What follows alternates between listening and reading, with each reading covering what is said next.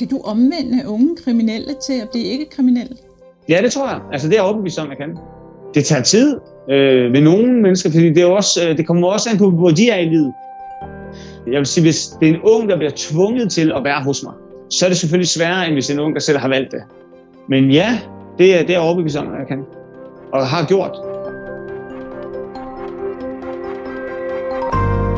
Velkommen til Historier fra Coronaland.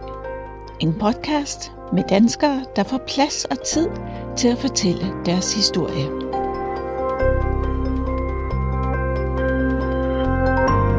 Jamen, jeg hedder Chevelle. Jeg er stifter af MindMover, som er en øh, socialøkonomisk virksomhed øh, på den ene hånd, og på den anden hånd der er jeg foredragsholder øh, og konferencier øh, i min enkeltmandsvirksomhed. Øh, jeg er lige nu, der befinder jeg mig inde i vores øh, lille lille sådan lounge-studie. Øh, vi fik, lavet det, vi fik det endelig lavet her i coronatiden, hvor der alligevel var masser af tid til det. Så der fik vi indrettet vores lille lounge med, logo og sådan to store stole af den slags der. Øhm, og så har vi egentlig inviteret nogle gæster ind, ind i studiet, faktisk lidt eller det vi gør her, hvor vi så har siddet over Zoom og, øh, og haft nogle snakke omkring deres personlige fortællinger.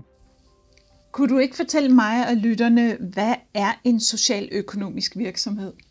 Jo, jeg ved ikke, om man kan kalde det det rigtige. Nu laver jeg alligevel lige øh, tegn her, fordi der er sådan, den, en socialøkonomisk virksomhed skal som udgangspunkt øh, være registreret, og det vil sige, at man, man har nogle vedtægter. I vedtægterne står der, at du ikke må hive pengene ud af virksomheden. Øh, altså, du må ikke tage overskuddet ud til dig selv i tilfælde af, at du lukker din forretning, så skal du give dine penge, eller øh, virksomhedens penge videre til en anden organisation. Øh, du skal også løfte et socialt ansvar på den ene eller anden måde, øh, hvad end det er kriminelle unge, eller det er døve, eller det er uanset øh, hvad det måtte være, så skal man løfte et socialt. Øh, og så er det hele den her tankegang med, noget, med en bæredygtig økonomi, altså en økonomi, der ligesom ja, er bæredygtig, at det ikke er en, øh, en virksomhed, der kun handler om at have vækst økonomisk, men det handler også om at løfte socialt og og økonomisk og bæredygtigt for det sags skyld. Øhm, så det er, sådan, det, det er den socialøkonomiske øh, virksomhed. Jeg øh, er viser ikke registreret som en socialøkonomisk virksomhed, og det er egentlig fordi, da vi var ved at lave vedtægterne, der, øh, der begyndte jeg egentlig at føle mig lidt, jeg ved ikke provokeret, men jeg synes, at der var nogle grænser, der blev overtrådt i og med, at man i dag, det er lidt ligesom økologi, altså det her med, når det er ordentligt, så skal du stemples for at være ordentlig, og den tanke kan jeg ikke lide. Jeg synes, jeg synes, det burde være omvendt. Altså, for eksempel, lad os tage udgangspunkt i, i det økologiske. Jamen, alt, hvad der var konventionelt grøntsager, der burde være mærker for, at det her, det er sprøjtet. Og så over i den økologiske del, der burde de egentlig bare være frit, og der burde øh, så set ikke være alle de der stempler og stamps og godkendelser. Øhm, og det er lidt det samme her. Jeg synes, øh, at det er, det er træls, for at sige det på godt jysk, at man skal registrere sig og få et stempel for at være god nok, for at være en god virksomhed, der gerne vil noget godt. Så vi registrerer os ikke, men vi opfører os stadigvæk pænt, og vi, øh, vi følger fuldstændig de registrationer, der er i forhold til at være registreret socialøkonomisk. Og hvad er det så, din ikke stemplede socialøkonomiske virksomhed MindNova laver? altså sådan helt kort, så arbejder vi med de unges, eller mennesker generelt, men det er sådan, vores fokus lige nu er meget unge. Men der går vi ind og arbejder rigtig meget med det narrative. Altså den, vi, vi er vilde med fortællinger. Vi er vilde med den personlige fortælling. Øh, og vi er endnu mere vilde med at løfte øh, de unge igennem personlige fortællinger, og derved skabe nogle refleksioner, der gør, at de øh, får øget selvværd og selvtillid. Øhm, og det gør vi på en masse måder. Altså for eksempel så tager vi ud og laver virksomhedsbesøg, hvor vi har en ansat fra virksomheden, den virksomhed, vi er ude og besøge sammen med en række elever, der har vi, der har vi ligesom lagt op til, at der skal fortælles en personlig fortælling. De unge skal ligesom vide, hvorfor øh, den her person er landet i den her virksomhed og, og, øhm, og så er der noget dialog efterfølgende. Så laver vi camps. Vi har for eksempel nogle camps her hen over sommeren øh, for nogle unge i, i, i udsatte positioner og områder fra udsatte positioner og områder. Og, øhm, og de her camps, der, øh, der er det igen sådan med at løfte. Altså vi laver nogle lidt grænseoverskridende øh, tiltag, såsom at klatre op i 25 meters højde og kajakke og mountainbike ude i skov og sådan noget. Og noget, man måske ikke gør, når man kommer fra Nørrebro eller øh, inden for København især.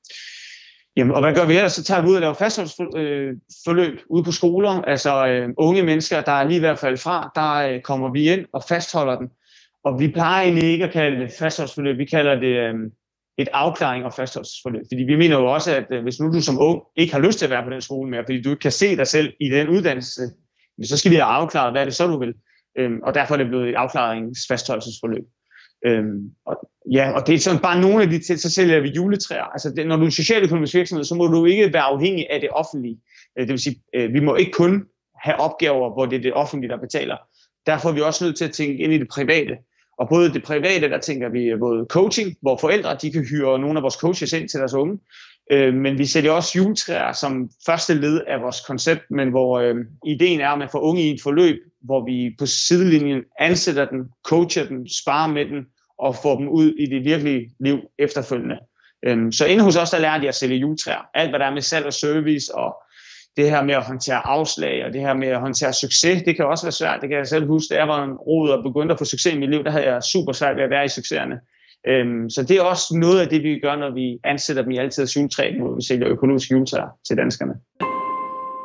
Du lytter til historier fra Coronaland. Find den i din foretrukne podcast-app. Kan du ikke fortælle mig, hvad er det for nogle resultater, jeres øh, virksomhed opnår med de her unge mennesker? Jo, altså vi går jo øh, ofte, jeg kan komme med et eksempel, vi havde et, et fastholdsforløb for 10 unge mennesker, hvor, øh, hvor vi ligesom fik et, øh, ja, sådan succeskriteriet er, at to af dem, de består deres eksamen. Det var ligesom succeskriteriet for den her gruppe af unge, og det ender med 9 ud af 10, de består den her eksamen. Og jeg tror, succesen i det, vi laver, det er, at vi i MindMover bliver du ikke ansat ud for din faglighed. Øhm, I hvor bliver du ansat ud fra den personlige fortælling, du selv har, og din faglighed. Og hvis du som menneske forstår, og det, det gør man oftest, tror jeg, hvis man øh, har været igennem nogle kriser, og man er kommet over på den anden side af det, så har du været i sådan en proces, hvor du har reflekteret rigtig meget over, hvad var det, der gjorde, jeg endte her, og hvordan kommer jeg ud af det igen? Og den der refleksion, det er den, vi skal give videre til de unge. Det er de værktøjer, jeg tror, vi skal give videre til de unge. Og det er det, vi gør i MindMover. Så når vi sidder med dem, så blotter vi os.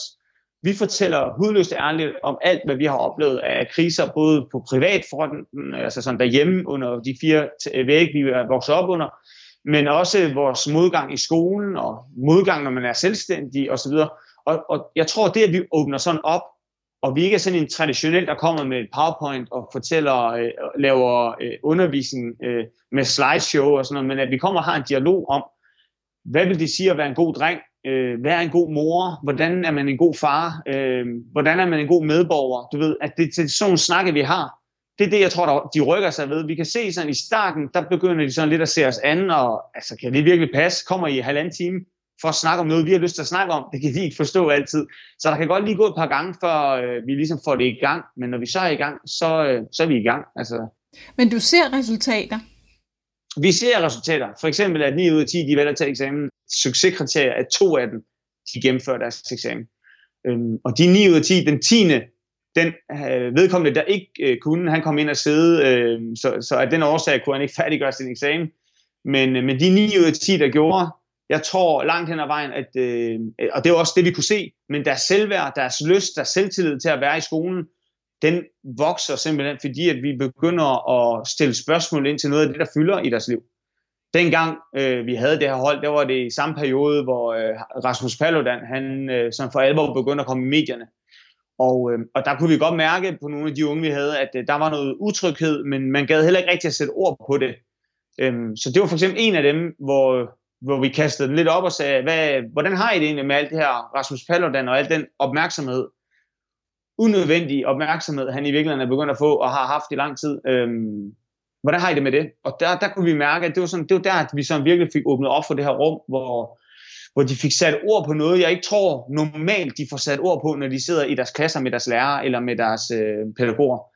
Det føler jeg i hvert fald, at vi tager det spadestik dybere, fordi vi blotter os selv, og selv fortæller, hvis vi er utrygge, eller den tid, hvor vi selv havde en depression, eller var ensomme, og så bruger vi ligesom vores dialog til at få dem til at reflektere over både den der ensomhed, der måske kunne være i det, i der hvor de er i deres liv, men også hvordan kommer du ud herfra? Hvad kan du gøre? Hvad kan du specifikt gøre for at komme videre i dit liv?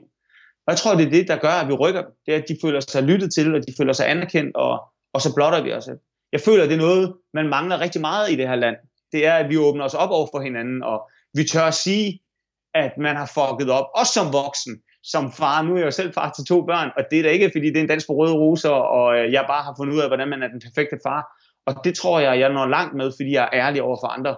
Øhm, og det gør, at vi kan have de her dialoger, som bliver spadestik dybere end den normale dialog, vi kan opleve, som bare er lidt på overfladen, fordi man ikke tør at gå i dybden hos mennesker. Ikke?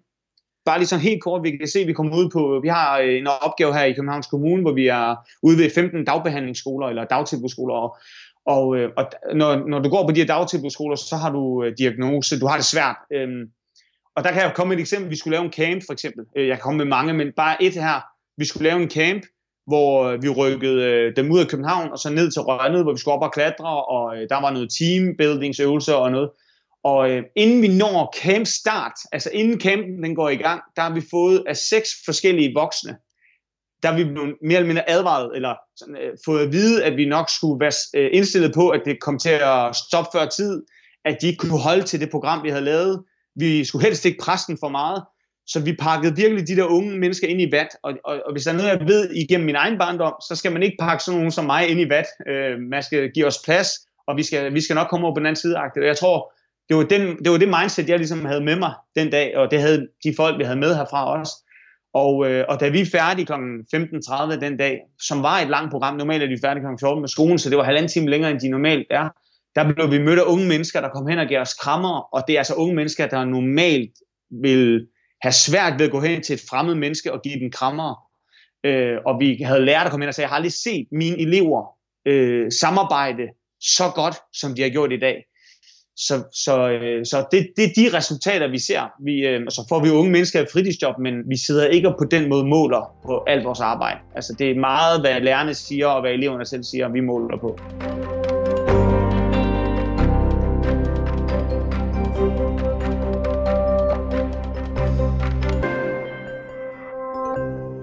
Det er fedt at høre om nogle gode resultater.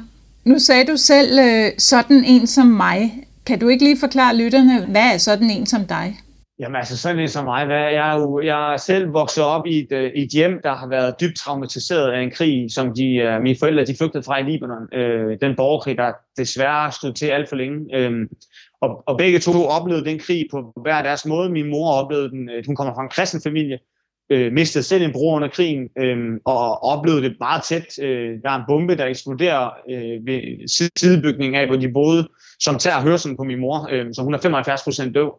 Og det er klart, øh, jeg tror, jeg voksede op med en mor, der til dato stadigvæk vågner op midt om natten, eller hun vågner ikke op, men hun sætter sig op i sengen aktivt og skriger og sveder og kan slet ikke sove og finde ro i sin nattesøvn. Øh, og sådan har hun altid været. Øh, så det er sådan en dyb trauma, hun har. Og min far er det samme. Øh, mistede to brødre under krigen, var selv deltagende i krigen, øh, voksede op i et meget fattigt miljø, og så kommer de til Danmark og igen skal til at bygge noget op. Øh, der er den her Mohammedaner snak, altså øh, fremmedarbejdere, og jeg kan huske, at jeg er på en legeplads, hvor der kommer en far hen og, og hiver hans børn væk, fordi øh, de skal fandme ikke lege med nogen fremmedarbejdere. Øh, så, så det er det, de vokser op, og så begynder øh, vores liv, ligesom i Aalborg, hvor den oplevelse og de frustrationer, der lige pludselig er ved at, at vokse op i Danmark, øhm, de skiller sig desværre ud. Og vi reagerer jo forskelligt, også mennesker. Men min far, han, han reagerede ved at blive meget voldelig og meget udadreagerende og var aldrig hjemme. Øh, og når han var, så var der, så var der virkelig gang i det. Når min mor, hun er højt uddannet og, øh, og begynder med det samme at uddanne sig her i Danmark, men, øh, men har stadig et temperament, øh, som man også ser i Italien, når de snakker sammen, det der temperament, der, der, der har de det også sådan i Libanon, så så det var virkelig et voldsomt hjem at være i som barn, og det skete igennem hele min folkeskoletid. Mine forældre bliver skilt mellem 7. og 8. Og, øh, og der er jeg sådan, i 7. klasse, der er jeg meget voldelig, jeg er ude af regeringen, jeg kan ikke sidde stille, jeg har svært ved at huske. Det kan stadig komme til mig i dag, hvis ikke jeg fokuserer på min meditation og så videre, så kan jeg have en meget, øh, så kan jeg have en let tendens til at, at, at glemme. Øhm, og, og det var virkelig noget, jeg havde svært ved i 7. 8. 9. Der havde jeg svært ved at, at huske det lærerne sat til mig, øh, og jeg har også svært ved at finde ro øh, og bliver, ender med at blive smidt ud af 8. klasse og dumpe 9. klasses afgangseksamen. Og så møder jeg de mennesker, jeg skulle møde på det tidspunkt i mit liv, som gjorde, at jeg sådan step by step begyndte at komme ud af de frustrationer, jeg har været i, og, og den plads i livet, jeg har været i. Det er i virkeligheden den del, jeg har banket en virksomhed op omkring. Altså det er de mennesker, der fik mig ud, måden de gjorde det på, er der masser af evidens og forskning på fungerer, og det er netop det her med at anerkende og tale ind til det barn eller de børn eller unge, vi snakker med, narrativ, og finde styrkerne i den fortælling, og lade det være den fortælling, de så bærer videre med sig derfra. Så øhm, ja, så det er lidt kort om mig. Øhm, og det, er, det er blandt andet det, jeg går ud og holder min foredrag omkring. Det er, det er når jeg, det så går jeg ud og fortæller den her personlige fortælling, hvor jeg virkelig blotter mig og bare øh, fortæller hudløst ærligt, hvordan det har været. Kan du omvende unge kriminelle til at blive ikke-kriminelle? Ja, det tror jeg. Altså det er jeg overbevist om, jeg kan. Øhm, det tager tid øh, ved nogle mennesker, fordi det, er også, øh, det kommer også an på, hvor de er i livet. Jeg vil sige, hvis det er en ung, der bliver tvunget til at være hos mig, så er det selvfølgelig sværere, end hvis det er en ung, der selv har valgt det. Men ja, det er, det er jeg overbevist om, at jeg kan. Og har gjort. Jeg havde en ung, som jeg fik igennem, det var dengang jeg selv læste coach, så havde man ligesom, øh, vi skulle have 10 cases, øh, som vi skulle øve os på. Og der er en af dem, jeg får, han er lige kommet ud af fængsel. Øh, han er 23 år og er inde og sidde for forsøg på manddrab og så videre. Og vi mødes syv gange, og det er ikke normalt, så vil du tale sessioner, øh, som er en time, halvandens vejhed. Det kan du ikke, når du arbejder i den her målgruppe. Og det er også derfor, jeg nogle gange synes, at vores system er meget firkantet. Altså, at, at give så hårdt ramte unge borgere, eller bare borgere generelt, mennesker, medmennesker, øh, en til to timer i ugen, hvor de kan få en kontaktperson. Det er lige med i min verden at sige, vi tror ikke rigtigt på, at vi kan rykke dig alligevel. Så derfor er der to timer til dig. Og, og det er derfor, jeg tror, når man arbejder med mennesker, skal man ikke på den måde sætte op i timer. Altså, man, er nødt, man er simpelthen nødt til at, og det kan du ikke gøre op i timer. Øh, det er du nødt til at gå op i gange. Så jeg mødtes med ham syv gange, øh, alt fra en til fem timer svejhed. Og det var først på syvende gang, at han begyndte at åbne op. Så så meget skulle der til, før jeg fik dannet en relation. Og det er på trods af, at jeg fortalte, hvem jeg var og min baggrund og så Men da jeg så når ind til ham, så begynder vi at rykke. Og, øh, og han ender med at, at tage et job som rengøringsassistent øh, et sted øh, i det offentlige, og han øh, bliver gift, og han får et barn, og han tager VUC, og du ved, det ændrer sig virkelig. Og det var min første case, hvor jeg sådan, som uddannet, eller var i gang med at uddanne mig som coach, kunne se, at det fungerer faktisk. Når du sådan helt bevidst går ind og siger, okay, første fase, det er, at jeg skal have skabt en stærk relation med det her menneske. Andet fase, det er, at vi skal have vendt den der negative fortælling, han har om sig selv, til en positiv fortælling. Og tredje fase, det er så begynder at handle på de drømme og de mål, han må begynde at sætte sig i vores forløb her. Øhm, og der kan jeg se, det, det rykker, det kan noget. Men at få alle kriminelle ud af det, det er svært. Altså jeg tror, der er nogen, de er bare så hardcore kriminelle, at, øh, at det er ikke mig, der skal det. Øhm, men øh, dem, der lige sådan er ude og snuse til det, ligesom jeg selv har været, øh, eller måske lige at vende side en enkelt gang eller to, det er sådan nogle, jeg tror på, jeg skal arbejde med. Og mindfulness på sigt, så vil vi rigtig gerne have de, øh, de helt hardcore, men øh, der er vi ikke endnu. Historier fra Coronaland Interviews med mennesker, der får plads og tid til at fortælle deres historie. Jamil, så har vi haft en øh, periode her på de sidste tre måneder, som har været lidt hæftig. Man har været bundet indendørs, så corona har hervet. Hvad har du lavet de her sidste tre måneder? Jeg har faktisk aldrig arbejdet så meget, tror jeg. Men, øh, men lad os starte fra starten. Altså, øh, jeg var i Libanon i vinterferien, eller ja, hedder det ikke vinterferien, jo, den der u 7-8 stykker der. Og der begynder coronasnakken i Libanon, og, og var sådan lidt begyndt i Danmark, inden jeg rejste afsted. Og der, da jeg kommer hjem fra Libanon, der kan jeg så mærke, altså den der stemning, der bare spreder sig om corona, og den angst, det går mega stærkt. Altså, Mette, hun står og lukker landet ned og siger, lad hvad man gå ud og hamstre, og det første, vi alle sammen gør, eller måske ikke vi alle sammen, men det første, mange mennesker gjorde, det var at gå ud og hamstre og tømme supermarkederne. Og der kan jeg bare huske, at jeg sidder og tænker, fuck det her, mand. Det er sat med løgn. Og hvor jeg er sådan et sted i forretningen, hvor det, sådan, det kommer til at bære eller briste, og briste er ikke i den forstand, at jeg lukker forretningen ned, men jeg var der sådan et sted, hvor jeg tænkte, nu er jeg endelig ved det der tipping point, hvor nu begynder den her virksomhed at gå hen og blive en organisation, og der begynder forhåbentlig at komme rigtig meget gang i den her i 2020. Og lige pludselig så måtte jeg jo face det og kunne se, alle vores aktiviteter blev bare lukket ned. Vi arbejder ude på skoler, og det var rigtig mange aktiviteter og rigtig mange penge, der bare forsvinder fra den ene dag til den anden. Og nu har du to valg, og, øh, og jeg tror sådan, det er jo nok bare sådan det, der går igen i min egen personlige fortælling, at det er det her med, at du står over for to valg, og det ene det er, at du kan give op ved at sige, fuck det, jeg går hjem, jeg lader være med at arbejde, og så venter jeg til coronaen er forbi. eller du cykler ind på det der kontor, og så får du din hverdag til at fungere med de restriktioner, der er, og holder afstand og spritter og alt det her, men, men arbejder videre og bliver kreativ og finder på nye tiltag og nye måder at gøre tingene på. Og det var det, vi gjorde, øh, og det har givet sindssygt meget medvind. Øh, så vi har siddet herinde på kontoret, og vi har søgt fonde og fået fond, fondsmidler til at arbejde videre med de unge. Vi har øh, nogle af de forløb, vi måtte aflyse, der kørte vi egentlig videre med de unge. Også selvom vi ikke fik penge for det, så øh, kunne vi bare mærke, at de unge havde virkelig brug for hjælp. Øh, de stod og ville dumpe stort set alt, hvad de havde gang i, hvis ikke vi var med ind over og få dem motiveret.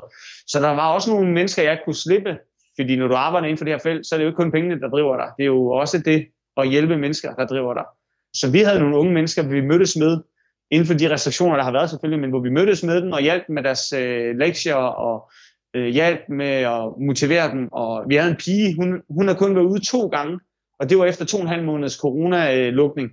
Og hun har kun været ude to gange i den periode, og den anden gang, det var da hun var ude og besøge os.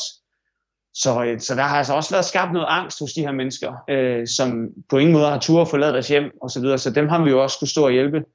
Så øh, ja, så vi har handlet, vi har i stedet for at, at, at ligge os ned og give op, så har vi, øh, eller at se til, så har vi vendt, vendt 180 grader og sagt, at vi bliver nødt til at gå all ind på det her øh, og kæmpe videre. Og det har resulteret i, at vi har en fuldstændig proppet kalender i hele efteråret. Vi har så set ikke plads i kalenderen mere. Og det er jo, tror jeg, fordi vi bliver ved med at holde hjulet i gang. Hvad vil du sige øh, har været din største udfordring? Mm, hvad har været min største udfordring? Det er et godt spørgsmål. Altså, jeg, det ved jeg sgu ikke. Altså, jeg, jeg, øh, da jeg kommer hjem i 2009 fra en jordomrejse, der lander jeg midt i finanskrisen.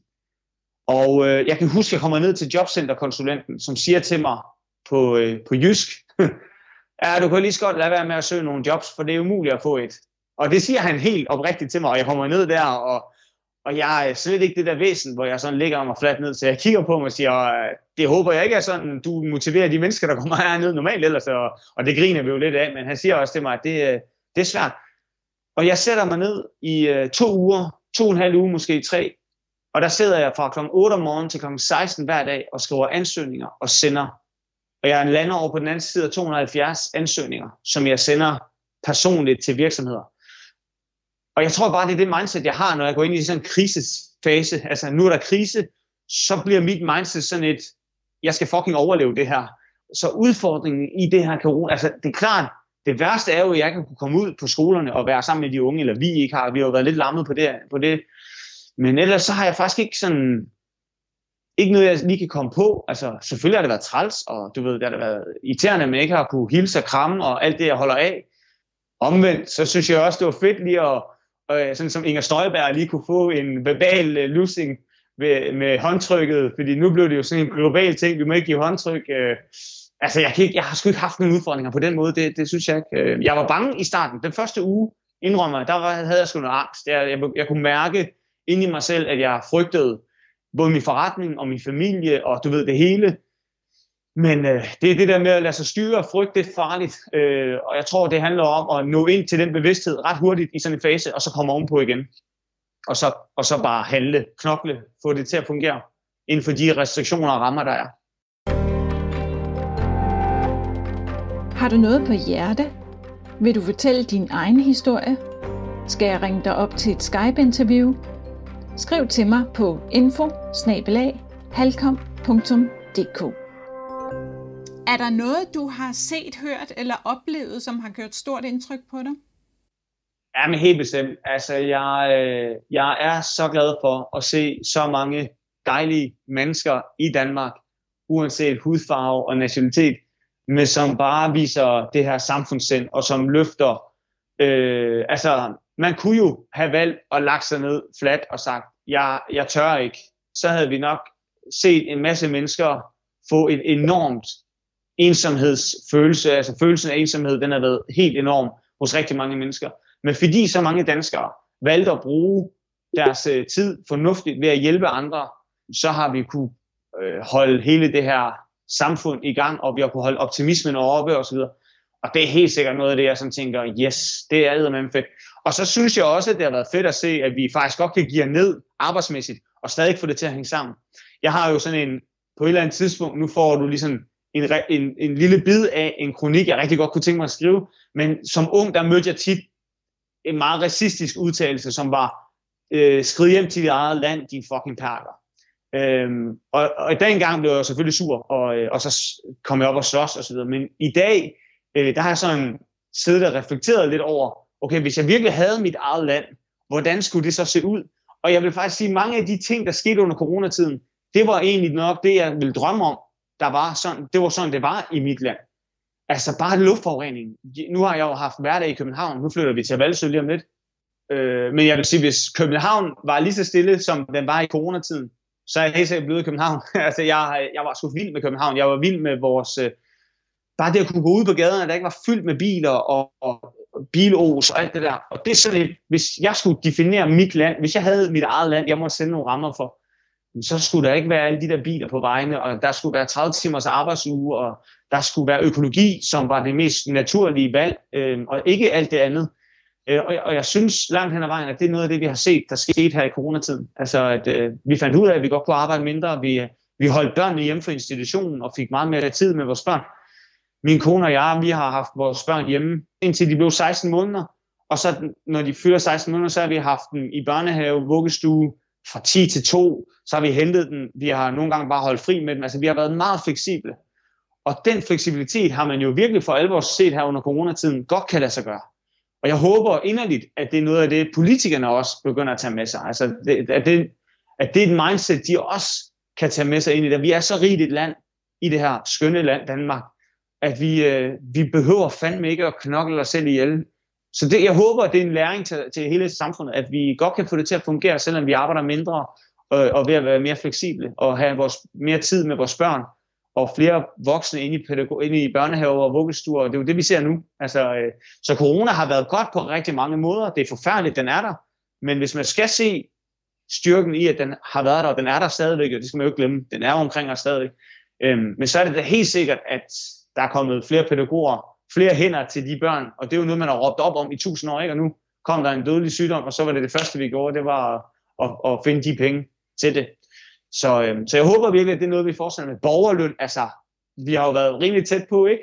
Øhm, jeg synes, det er jo fandme noget med at trykke på den knap, og så få det igennem nu. Få nu, få nu givet os den frihed, og lad os, øh, lad os nu leve det liv, som vi kan her i Danmark. Øhm, og være øh, en front, et frontfigur, frontnation, der viser ud til, at det er på tide, at vi skruer lidt ned for, for klodens skyld. Ikke for vores skyld, men også for klodens skyld og for vores efterkommers skyld. Og i dag, hvor det er den 23. juni, Sankt Hans Aftens dag, ser du ikke, øh, at samfundet egentlig bare er på vej tilbage til business as usual? Jo, jo både og. Altså det gør jeg, det gør jeg, men jeg vil sige, øh, bare det, at vi to, vi har den her snak over Skype, øh, og jeg ser flere og flere, der begynder at have de der møder øh, over, over, altså det er noget, man holder fast i, tror jeg. Øh, jeg ved i hvert fald, at der skal virkelig meget til, før jeg tager til Aalborg igen, bare for et møde. Øh, ja, det tror jeg ikke, jeg kommer til igen. Altså, det, øh, jeg kommer til at holde det her. Plus, at lige nu er jeg ved at, øh, og, og sådan stille og roligt åbne op for, øh, i min foredragsvirksomhed, at man nu kan booke et foredrag til omkring halv pris, mod at det bliver over computeren, så jeg bare kan stå herinde på mit kontor og holde det foredrag, i stedet for at køre til Sønderjylland, og så holde det foredrag, øh, som de så kommer til at betale det dobbelte for. Så jeg tror også, at der kommer til at være mange fordele ved, at vi har været i den her periode. Og, øh, og jeg håber, at man ikke bare går tilbage til det, vi er vant til. Det gode i alt det, der er sket, hvordan kan vi blive ved med det? Blive ved med at holde fast i det. Fordi jeg kan sådan høre det overalt. Folk er jo tilfredse og synes, det har været dejligt at have den tid og kunne mærke, at de ligesom har skruet ned for arbejdstempoet. Og det gode ved, at vi stopper, øh, eller vi åbner op lige en sommerferien, er jo også, at vi går bare stille og roligt ind i en stille periode igen. Så der kommer til at gå lang tid, og så tror jeg desværre, men jeg tror, der kommer en fase 2. Altså, det er meget naivt, hvis vi tror, at coronaen ikke kommer igen. Øhm, så jeg, jeg håber, at det her det kommer virkelig til at vende vores måde at være sammen på, eller øh, at være på, arbejde på, og, øh, og, og gøre os mere bevidste om, når vi køber ind, at vi ikke bare køber noget, der skader jorden, at vi ikke bliver ved med at købe alt det der ligegyldige tøj, som jo er ligegyldigt, når alt kommer til alt. Altså, og, og det der, der er sådan lidt ligegyldigt, når alt kommer til alt, det er det, jeg tror, der begynder at blive skåret mere og mere fra. Jeg, tror, jeg håber, at vi begynder at lægge penge for noget bæredygtigt tøj, vi lægger penge for noget økologisk mad, øh, og vi begynder at tænke mere på kloden. Og det tror jeg virkelig har været effekten af det her, og bliver effekten, når vi er helt over på den anden side af corona på et eller andet tidspunkt om, om et halvt år til et år, eller hvor lang tid man nu tror, det kommer til at tage. Jamil Medi, tusind tak, fordi du ville være med. Jamen selv tak. Tak fordi jeg måtte øh, være med og bidrage til øh, din fantastiske podcast. Tak fordi du lyttede til historier fra Coronaland. Vil du støtte podcasten med et valgfrit beløb? Find historier fra Coronaland på sitet tier.dk, altså 10er.dk, og hjælp mig med at få formidlet flere gode historier fra danskere. Hør andre episoder af podcasten i din podcast-app eller på min hjemmeside halkom.dk-podcast.